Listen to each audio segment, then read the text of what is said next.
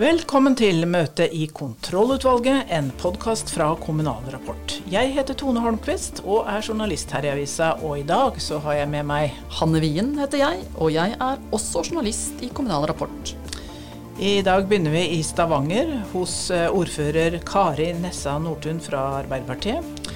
Og vi skal snakke om parlamentarisme, som de ønsker seg i oljebyen. De har i hvert fall vedtatt det nå nettopp.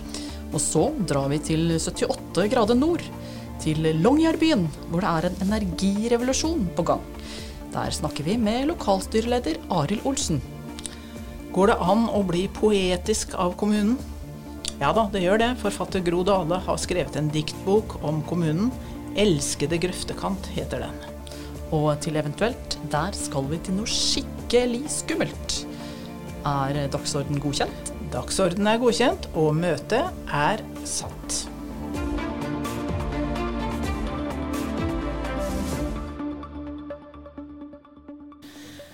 Parlamentarisme er eh, det bare Oslo og Bergen av kommunene som har så langt. Eh, men eh, stadig flere lurer litt på om de skal innføre parlamentarisme. Kristiansand diskuterer det, og i Stavanger så har dere nettopp vedtatt at dere ønsker dere parlamentarisme, Karine sa Nordtun, ordfører. Eh, hvorfor tror du parlamentarisme passer i Stavanger? Eh, nå var ikke jeg en del av det flertallet som stemte for en anbefaling til det neste kommunestyret som ble konstituert eh, om et års tid. Nei. Om at en anbefalte parlamentarisme. Der ble voteringen ble 34 mot 33 representanter. Så det var, snaut. Ja. Ja, det var fint. Så jeg tilhørte ikke en del av det. Jeg stemte for å fortsatt ha formannskapsmodellen. Men jeg har stor eh, forståelse for um, de synspunktene som òg uh, ble anført av de som stemte for parlamentarisme. For de tror jeg mange det, For mange handler det om dette om å få tydelig plassering av ansvaret politisk sett. Og at mange av innbyggerne våre tolker det dit hen ofte i det bildet som er at vi parlamentarisk styrt. At det er politikerne som har, som har ansvaret, de styrende politikerne ansvaret for absolutt alt i kommunen, eh, og ikke nødvendigvis en kommunedirektør at det ansvaret litt mer eh, nyansert. Men, eh, eller et flertall til en gjeldende tid. enhver gjeldende tid, så det, det, har nok vært en del av det som har vært diskusjonen. da. Men hvorfor sa du nei? Jeg sa nei fordi at jeg eh, på nåværende tidspunkt eh, ikke kan se at at uh, nødvendigvis det blir bedre for innbyggerne i Stavanger med en uh, parlamentarisk styringsmodell. Og Det har vært viktig for meg. og Jeg ser jo også at det krever en enorm endring av organisasjonen og, og en større økonomisk uh, utgift gjerne å innføre til, over til en parlamentarisk styringsmodell. Tror du det ville gitt mer og bedre engasjement av parlamentarisme? Det kunne gjerne ha bidratt, kanskje. At flere Jeg tror for innbyggerne så, altså, så, så, så, er det ikke så store forskjeller nødvendigvis. Men kanskje for politikere som ønsker seg eh, å jobbe enda mer med politikken og, og, og få mer ansvar og ønsker å ta mer ansvar, så hadde det kanskje bidratt til et noe større engasjement hos, engasjement hos de folkevalgte. Men kunne dere altså Dere er jo mange partier, er det da seks-syv partier som utgjør det som regnes som flertallet. Kunne dere ha lagd dere et eh, byråd i dag? Ja, vi er seks partier som utgjør flertallet. Vi, vi, trengte jo ikke alle oss seks partiene for å få til et flertall. For oss var det viktig å organisere den gang Senterpartiet jeg mener at vi hadde klart å etablere et byråd basert på at vi lagde en omfattende politisk plattform eh, etter at vi ble valgt, som vi styrer etter den dag i dag. Tror du det blir dyrere med byråd enn det dere har i dag? Ja, Den undersøkelsen som er, som er gjort og fra, som er innhentet av kommunedirektøren, viser at det vil i hvert fall koste 12 millioner kroner mer i året å ha en parlamentarisk styringsmodell. Så det er en betydelig sum eh, det er snakk om, eh, hvis en regner det for en, som utfallet, da. Men er dere for små i Stavanger til å ha byråd og parlamentarisme? Det er jo bare store kommuner som har det. Ja, det, det er et godt eh, spørsmål. Vi er jo 145 000 innbyggere i Stavanger, og vi har blitt større etter kommunesammenslåingen. Um, så jeg tror jo at uh, ikke nødvendigvis det er et argument for at vi ikke kan være det. Uh, med, ja, med en stor kommune og vi vokser. Uh, så jeg tror ikke det er størrelsen nødvendigvis som, som er det beste argumentet mot parlamentarisme. For vår del det er heller andre ting som jeg var på innledningsvis. Hvor stort kunne et byråd vært i Stavanger? Hvor mange medlemmer? Nei, det vil, vil jeg ikke forskuttere og mene så mye om eh, akkurat nå. Um, det måtte han ha kommet tilbake igjen til, tenker jeg. Dem som stemte for, var det Høyre og Fremskrittspartiet først og fremst? De som stemte for, det var Venstre, og så var det deler av KrF. Og så var det hele Fremskrittspartiet. Og så var det vel eh, Høyre var vel to tredjedeler som stemte for. Og, ja, så det ble splitt, splitta litt eh, i partiene? Ja. For Arbeiderpartiet som mitt parti sin del så var det 9-9. Altså splitta på midten, faktisk. Det, det, var ikke helt klart før vi gikk inn i rommet, men vi lot representanten være fristilt i den anbefalingen siden, siden den, um, det ikke var endelig vedtak. Nettopp. Det må da gjentas, det vedtaket, i et nytt kommunestyre etter valget. Så da mm. er det jo fremdeles usikkert hvordan eh, dette blir. Men eh, det følger vi mer med på. Takk til deg, ordfører Kari Nessa Nordtun.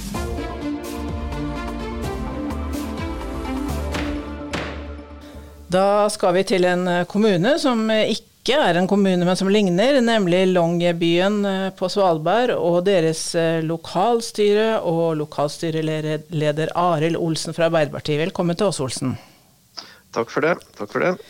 Eh, alle er jo opptatt av energiforsyning og strømpriser for tida, men dere er alltid opptatt av det, og nå er det ekstra aktuelt. Kan du si litt om det vedtaket dere nettopp har gjort?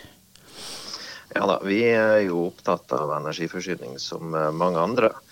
Det som kanskje skiller oss, er jo det at vi er helt off-grid. Dvs. Si at vi må være selvforsynt på eh, strøm og varme.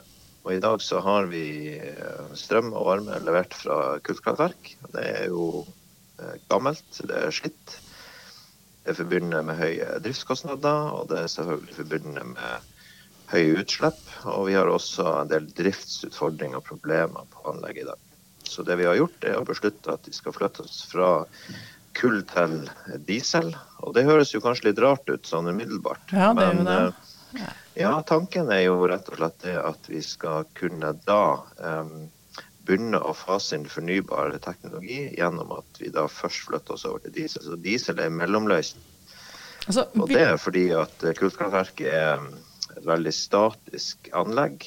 Det er et uh, gitt forhold mellom strømproduksjon og fjernvarmeleveranse. Og vi kan i liten grad nyttiggjøre oss av andre energikilder, f.eks. For fornybart. Um, den må produsere på den kapasiteten, en gitt kapasitet, for å bruke sånt uttrykk.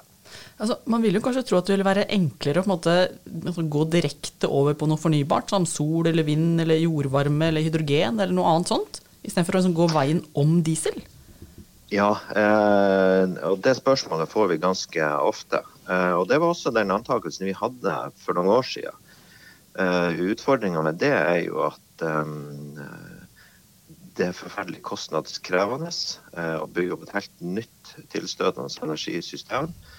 Parallelt med at du har et fullt operativt et.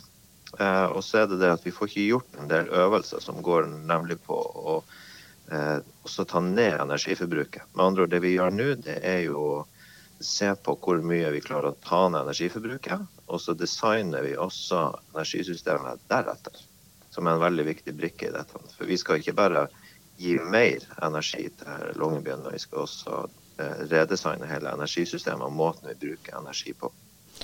Men det er sårbart med diesel. altså Det må fraktes i båter til, eh, til, Svalbard. Og av og til så fryser det jo den veien der.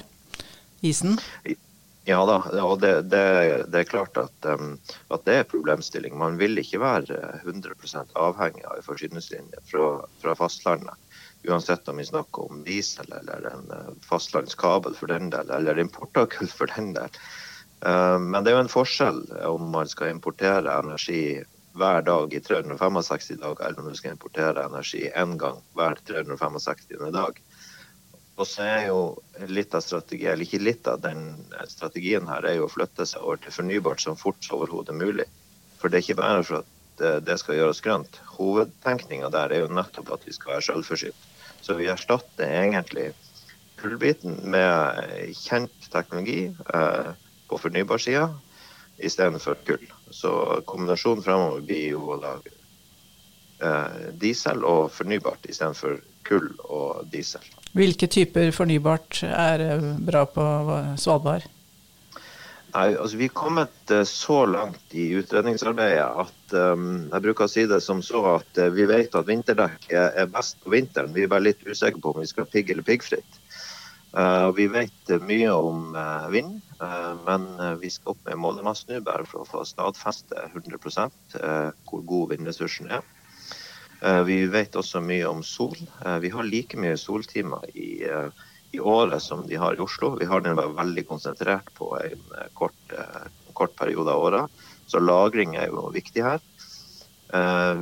Det er veldig interessante spor å gå videre på i forhold til jordvarme. Det skal vi også se nærmere på. Men, Men da må dere gjennom permafrosten og sånn for å komme ned til jordvarmen?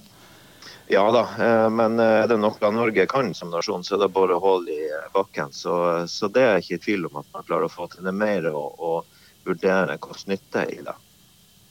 Men det sporet som vi også syns er veldig interessant og lovende, rasjonelt og økonomisk også, er jo ammoniakk, hydrogensporet. Med å nyttiggjøre seg av den innlåste krafta som er i, i nord. da. Eh, så der er vi i kontakt med relevante miljø, både på som kan levere multifuel-motorer, men også som kan levere brensel. Men har, eh, det har noen opplagte fordeler. Har dere satt noen dato for når dere skal være helt over på fornybart? Ja, eh, det som er tenkt nå, eller som ligger i planen, er jo at høsten 2023, senhøsten, da skal vi stenge ned kullkraftverket. Og da skal dieselgeneratorene være oppe og gå med nye styringssystem. og det. Eh, så skal vi bruke en sjuårsperiode på å fase inn fornybart. Dvs. Si at eh, trinnvis hvert år fremover så går både energiforbruket ned, men um, vi begynner også da å fase inn fornybart løpende. Sånn at klimareduksjonen vil jo komme uh, umiddelbart faktisk med å flytte seg på diesel. Bare ved å flytte seg fra kull til diesel, så reduserer vi klimautslippene med 47% Det tilsvarer omtrent uh, noen og 20 000 personbiler på fastlandet. Skjønner. Du, dette her høres ut som en ambisiøs plan. Ønsker dere riktig lykke til. Og uh, tusen takk for at du kom til oss.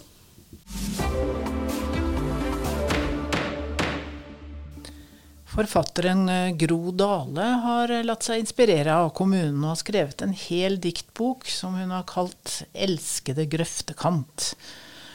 Og vi snakka litt med Gro Dale om uh, diktsamlinga hennes på en biltur i hennes egen kommune, nemlig Færder. Jo, det med kommune, det er noe som tilhører oss alle. Det er noe vi alle er en del av. Det er noe som, som er en del, naturlig del av livene våre. Og så tenker vi ikke over det, og så snakker vi ikke om det, og vi vet nesten ikke at det fins. Men det er der. Det øyeblikket vi skrur på strømmen, det øyeblikket vi skrur på krana.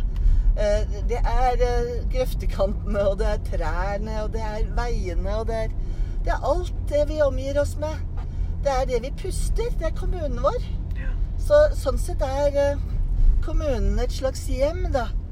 Og hjemsted er jo noe som går igjen ofte i dikt. Det med hjemmet og det med familien. Men, kommunen er også en slags familie. Et slags uh, grunnfeste, ankerfeste, forankringspunkt. Uh, og, og, en plattform vi alle mennesker har. Noe som er felles for oss. Og et hjem som vi forholder oss til, da. Uten å vite nesten at de er der. Så slik som hjem og foreldre egentlig er. De, vi tenker ikke på at de er der, at hjemmet er der. Men, men hjemmet er der og holder, og er, og er der og gir um, støtte til oss på en eller annen måte. Og sånn er det med kommunen også. at uh, det er en slags kjærlighetserklæring til kommunen, dette her. her er et av diktene hennes som eh, handler om eh, kommunevåpen. Jeg trenger ingen bæretillatelse for et kommunevåpen. Jeg trenger ikke lade det heller. Det gir ingen som helst beskyttelse. Ingen følelse av trygghet selv om det er formet som et skjold. Jeg vet ikke hvordan det ser ut engang, et emblem på et brevhode, en formalitet øverst på et dokument, en kjøpekontrakt, et tinglyst skjøte. Jeg kjenner tyngden av det i hånda, trekker det fram fra lomma, holder det opp, sikter, sier hands up. Dale er glad i trær, og kanskje kan trærne minne om politikere. Du får se, døm etter du har hørt dette diktet. Jeg har bestemt meg for å stemme på lønnetreet nede i svingen. En rolig og avbalansert ordførerkandidat som jeg ser opp til med beundring. Ospene prater for mye. Rognebærtrærne skryter av bærene sine. Svartoren står der i skyggen uten å våge å si noe som helst. Men lønnetreet derimot vil kunne forsikre oss om at det skal bli sommer igjen Løfte blikkene våre opp mot trekronen og lære oss å sette pris på verdien av en god vind. Av og til oppleves kommunen som eh, vrang og vanskelig, som i det diktet her.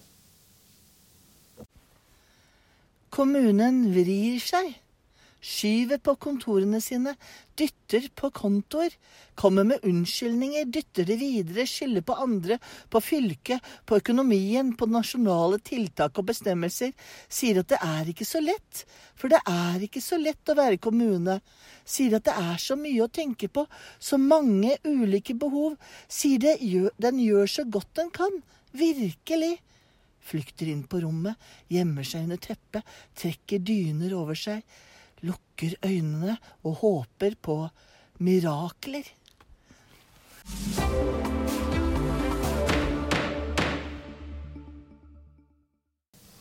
Du Tone, fikk du besøk på halloween? Ja, som vanlig så var eh, trappa full av skjeletter og hekser i store delegasjoner. Åssen det? Altså, I Tjeldsund der fikk noen besøk av ei dame som hadde kledd seg ut som det skumleste de kunne tenke seg, nemlig rådmannen i kommunen, med en koffert der det sto 'Død over distriktene'. Det var eh, sykepleier, en sykepleier som jobber på et nedleggingstrua bo- og servicesenter i Tjeldsund, som eh, valgte å gjøre et lite satirestunt på halloween. Og venninna hennes, som da jobber som lærer i kommunen, hun syntes dette var så artig at hun la ut bilde av venninna på Facebook med teksten 'Det skumleste man kan få på døra'. Rådmannen selveste, med budskapet 'Død over distriktene'. Dagens beste kostyme. Ja, det syns jeg var ganske kreativt og morsomt, det. Jeg hadde gitt eh, den rådmannen noen marshmallows og noen seige sukkertøy. Ja, jeg òg egentlig. Men ikke ordføreren. Hun satte saken på sakskartet i formannskapet under overskriften 'Trakassering av rådmannen'. Formannskapet vedtok å innhente en juridisk vurdering av innlegget og kommentarene, og spesielt med tanke på at dette er gjort av ansatte i kommunen. Nei, såpass, såpass må være lov på halloween, eller? Altså, Ordføreren understreker at det ikke handler om å gi noen munnkurv. Til VG så har hun sagt at uh, i sosiale medier er det en tendens til å lire av seg noe man ikke ville sagt ansikt til ansikt. Men som ansatt i kommunen bør du kanskje tenke over hva du skriver og deler om din arbeidsgiver. Jeg tenker dette var litt på grensen, sa hun da så til VG. Ja. Men altså, bare for å si det. Ja. Jon Christian Elden han plukka jo opp hansken. Han uh, ga rett og slett uh, juridisk råd på Twitter. Han skrev Kjære Tjeldsund kommune. Dere har dårlig råd. Her skal dere få en juridisk betenkning gratis. Glem saken. Smil og gå videre. Vær så god, skrev han. Akkurat. Så selv om dette var, ble en litt betent lokalsak, så må en da si at det er lov å kle seg ut som rådmenn eller kommunedirektører, og kanskje til og med også ordførere, på halloween. Ja, da avslutter vi her, og så hever vi møtet. Denne sendinga var laget av Tone Holmquist og Hanne Wien. Ansvarlig redaktør er Britt Sofie Hestvik. Vi høres neste uke.